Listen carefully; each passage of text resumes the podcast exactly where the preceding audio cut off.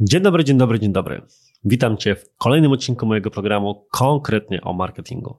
I dzisiaj postaram się konkretnie opowiedzieć Ci, czy raczej odpowiedzieć Ci na jedno chyba z najczęściej zadawanych w każdej firmie pytań, które brzmi: co mamy publikować na naszych firmowych profilach w portalach społecznościowych? I mam nadzieję, że moja odpowiedź będzie dla Ciebie ciekawa, ponieważ w ogóle nie będzie wiązała się z tym, jakie konkretnie typy postów masz publikować i dlaczego. Nie będzie to więc odcinek typu generowanie pomysłów na posty, ale raczej pewna filozofia podejścia, która mam nadzieję ułatwi Ci trochę pracę z Twoimi profilami. Zaczynajmy.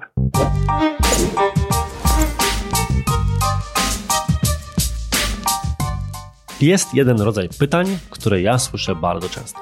I są to właśnie pytania typu: co publikować w kanale X? Co publikować na Facebooku? Co publikować na YouTubie? Co publikować wreszcie na TikToku czy gdziekolwiek indziej?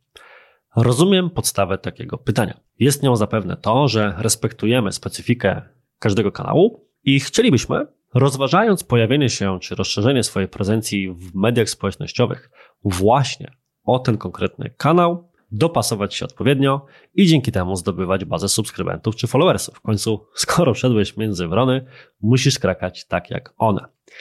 Natomiast dzisiaj chciałbym Cię zachęcić do trochę innego podejścia w tym zakresie, które być może wyzwoli Cię też z okowów myślenia w dość stereotypowy sposób o pewnych kanałach. Zauważyłem bowiem, że pewną taką konsekwencją czy skutkiem ubocznym myślenia o kanałach społecznościowych przez pryzmat tego, że istnieje konkretny typ treści, który należy publikować w kanale X, ale już nie Y, że w każdym kanale są treści, które są pod niego najlepsze, jest dyskwalifikowanie pewnych kanałów właśnie z uwagi na to, że kojarzymy je z konkretnym rodzajem treści.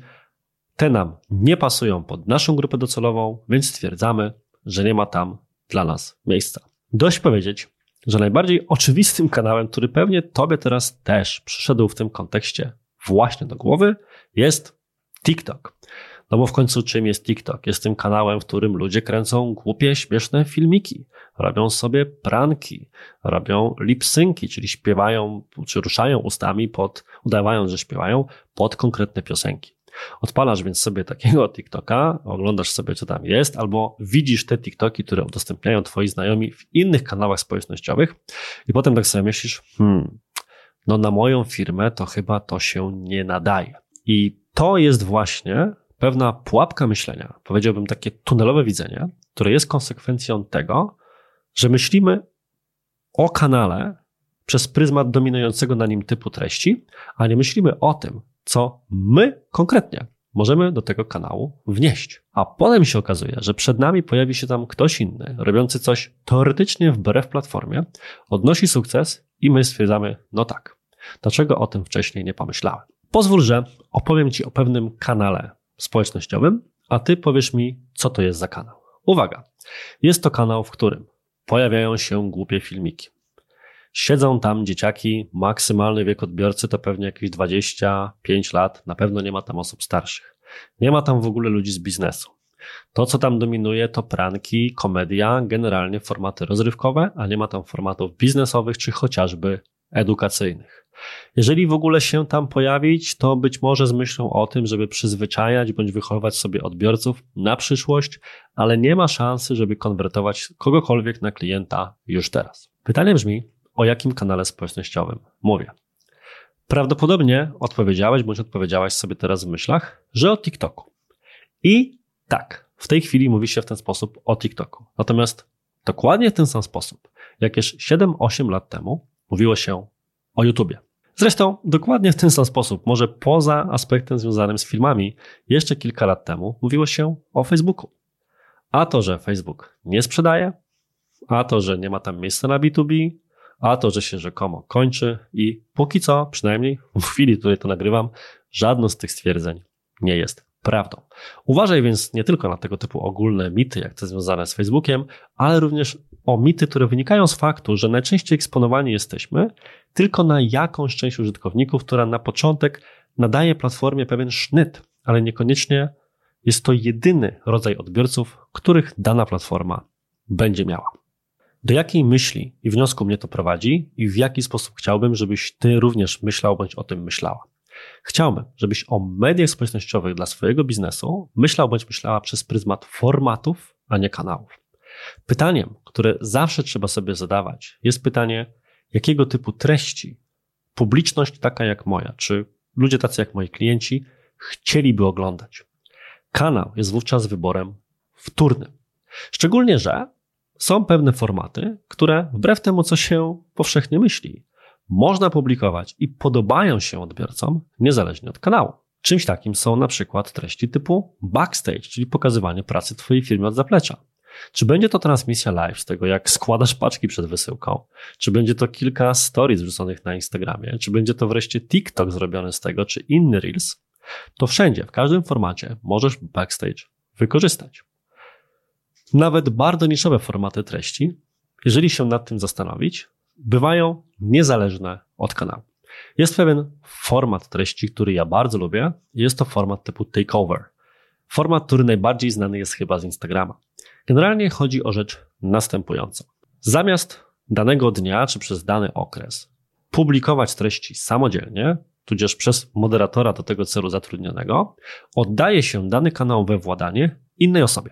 Na przykład na jeden dzień, stąd nazwa takeover. I takiego takeover, przejęcia, może dokonać albo celebryta, albo jakaś osoba, influencer branżowy, albo na przykład osoba z innego działu, która pokaże, w jaki sposób to działa. Przykład, w NBA podczas meczów czasami profil NBA przyjmuje zawodnik drużyny rozgrywającej jakiś mecz tego dnia. W teatrach w Londynie i pod Londynem bardzo często pracownicy teatru, na przykład aktorzy albo pracownicy odpowiedzialni za dekoracje, kostiumy, któregoś dnia przyjmują profile teatrów. Na przykład dzieje się to często w kontekście polecanego przeze mnie profilu i teatru zresztą też w Windsorze pod Londynem. Czy jeszcze inny przykład, bardzo często coś takiego dzieje się też w innych kanałach. Więc właśnie, takim miejscem, z którym najczęściej spotykamy się z takeover, są właśnie Instagram i pochodne, na przykład Stories. Natomiast czy można to zaadaptować gdziekolwiek indziej? Tak, ponieważ mimo, że coś takiego wygląda jak format wideo, to niekoniecznie musi być wideo. Przykład Twitter. Profile na Twitterze, szczególnie często dzieje się to w tematyce sportowej, kulturalnej, ale nie tylko tej, bardzo często organizują jednodniowe akcje typu Ask Anything, często będące takim takeover, co oznacza, że dany na przykład zawodnik mojego ulubionego klubu, takim jest Liverpool, przejmuje tego dnia profil i odpowiada na pytania użytkowników albo właśnie pokazuje od zaplecza na Twitterze, jak wygląda praca. Czy inny przykład, wydawnictwo książkowe, które podczas premiery książki kilka lat temu Edgara Pereca bodajże, posadziło autora, który był akurat obecny w mieście z uwagi na targi książki i on albo dyktował, albo sam odpowiadał, wprowadzał odpowiedzi na komentarze i co mamy postować na profilu danego wydawnictwa tego konkretnego dnia. Więc czy to był Facebook i forma zdjęć i komentarzy, czy Twitter i wpisy tekstowe z odpowiednim hashtagiem, czy wreszcie stories albo posty na Instagramie, czy dzisiaj również moglibyśmy to zrobić na TikToku, format takeover sprawdza się wszędzie, bo jest to po prostu format treści, która publiczność lubi. I prawda jest taka, że większość profili społecznościowych czy kanałów społecznościowych może publikować kilka identycznych formatów treści bo mało jest treści, czy takich formatów treści unikalnych tylko pod jeden kanał, a czasami to, że coś kojarzymy tylko z jednym kanałem, wynika z faktu, że nikt jeszcze nie przeniósł tego, nie spróbował tego zaadaptować do innego kanału. Jeżeli w ten sposób zaczniesz myśleć o mediach społecznościowych w Twojej firmie, to myślę, że może to być dla Ciebie i Twojego zespołu proces wyzwalający, ponieważ nagle okaże się, że należy zastanowić się nie tyle nad tym, jaką osobną strategię działań przyjąć dla każdego pojedynczego kanału, ale możesz po prostu przez pryzmat konkretnych formatów myśleć, co, kiedy i gdzie opublikować. Ideałem oczywiście byłoby, prawdopodobnie, być może, mieć osobny, faktyczny, całkowicie oddzielny content na każdy kanał, ale jest to pewna utopia, która wymagałaby kilkudziesięcioosobowego zespołu. Więc pewnym skrótem, choć nie chciałbym, żeby pejoratywne znaczenie słowa skrót w tym momencie ci się włączyło w głowie, więc pewnym ułatwieniem może być właśnie podejście przez pryzmat formatów, a nie kanałów. Istotne jest po prostu odpowiedź na pytanie, czy dana grupa ludzi lubi dany format treści.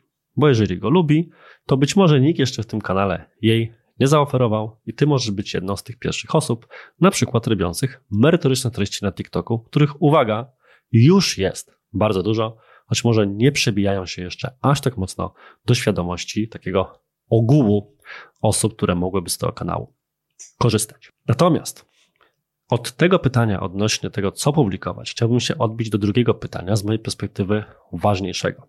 Często jest bowiem tak, że wchodzimy w nowy kanał społecznościowy, zachęcamy ludzi, żeby nas na nim obserwowali, ale niekoniecznie mamy jakiś autorski pomysł na to.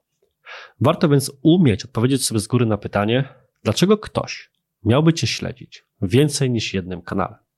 Przeważnie ten kanał powinien oferować coś unikalnego. I nie musi to być całkowicie autorska, unikalna strategia, unikalne treści, ale być może właśnie jeden format, który będziesz robił tylko tutaj. Kiedyś na przykład widziałem takiego case'a, w którym marka Hultaj Polski, która prowadziła na swoim fanpage'u komunikację, między innymi w oparciu o format, którym są kupony rabatowe czy konkursy na nazwych produktów, zaczynała rozkręcać swoją grupę na Facebooku. I zrobiła bardzo ciekawy manewr, który ty również możesz zrobić. Zamiast wymyślać nowy format treści, który będzie publikować na tej grupie, komunikat świat poszedł inny. Otóż od dziś na grupie i tylko tam będą pojawiały się wspomniane konkursy i kody rabatowe.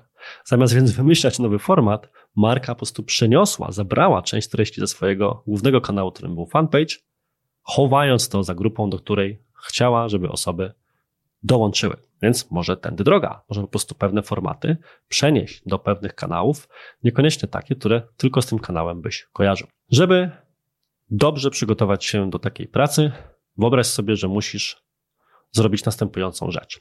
Załóżmy, że masz profil na Instagramie i profil na Facebooku i chcesz osoby na Facebooku poinformować o tym, że ten profil masz, co się bardzo często robi, natomiast zdecydowanie zbyt rzadko z mojej perspektywy marki o tym przypominają, ale komunikat musi brzmieć trochę inaczej niż hej, zapraszamy do obserwowania nas na Instagramie.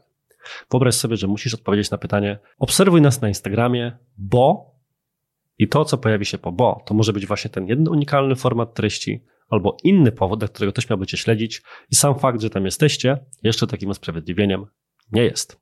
Więc potraktuj proszę odpowiedź na czy uzupełnienie tego ostatniego zdania jako swoją pracę domową, którą czasami robię tutaj w tym programie. I z tą myślą, z tym zadaniem chciałbym Cię dzisiaj zostawić, więc na dziś to jest wszystko. Bardzo dziękuję Ci za uwagę. Daj znać, jak podobał Ci się taki odcinek z jedną prostą radą i trochę krótszym formatem. Do usłyszenia w przyszłym tygodniu i cześć!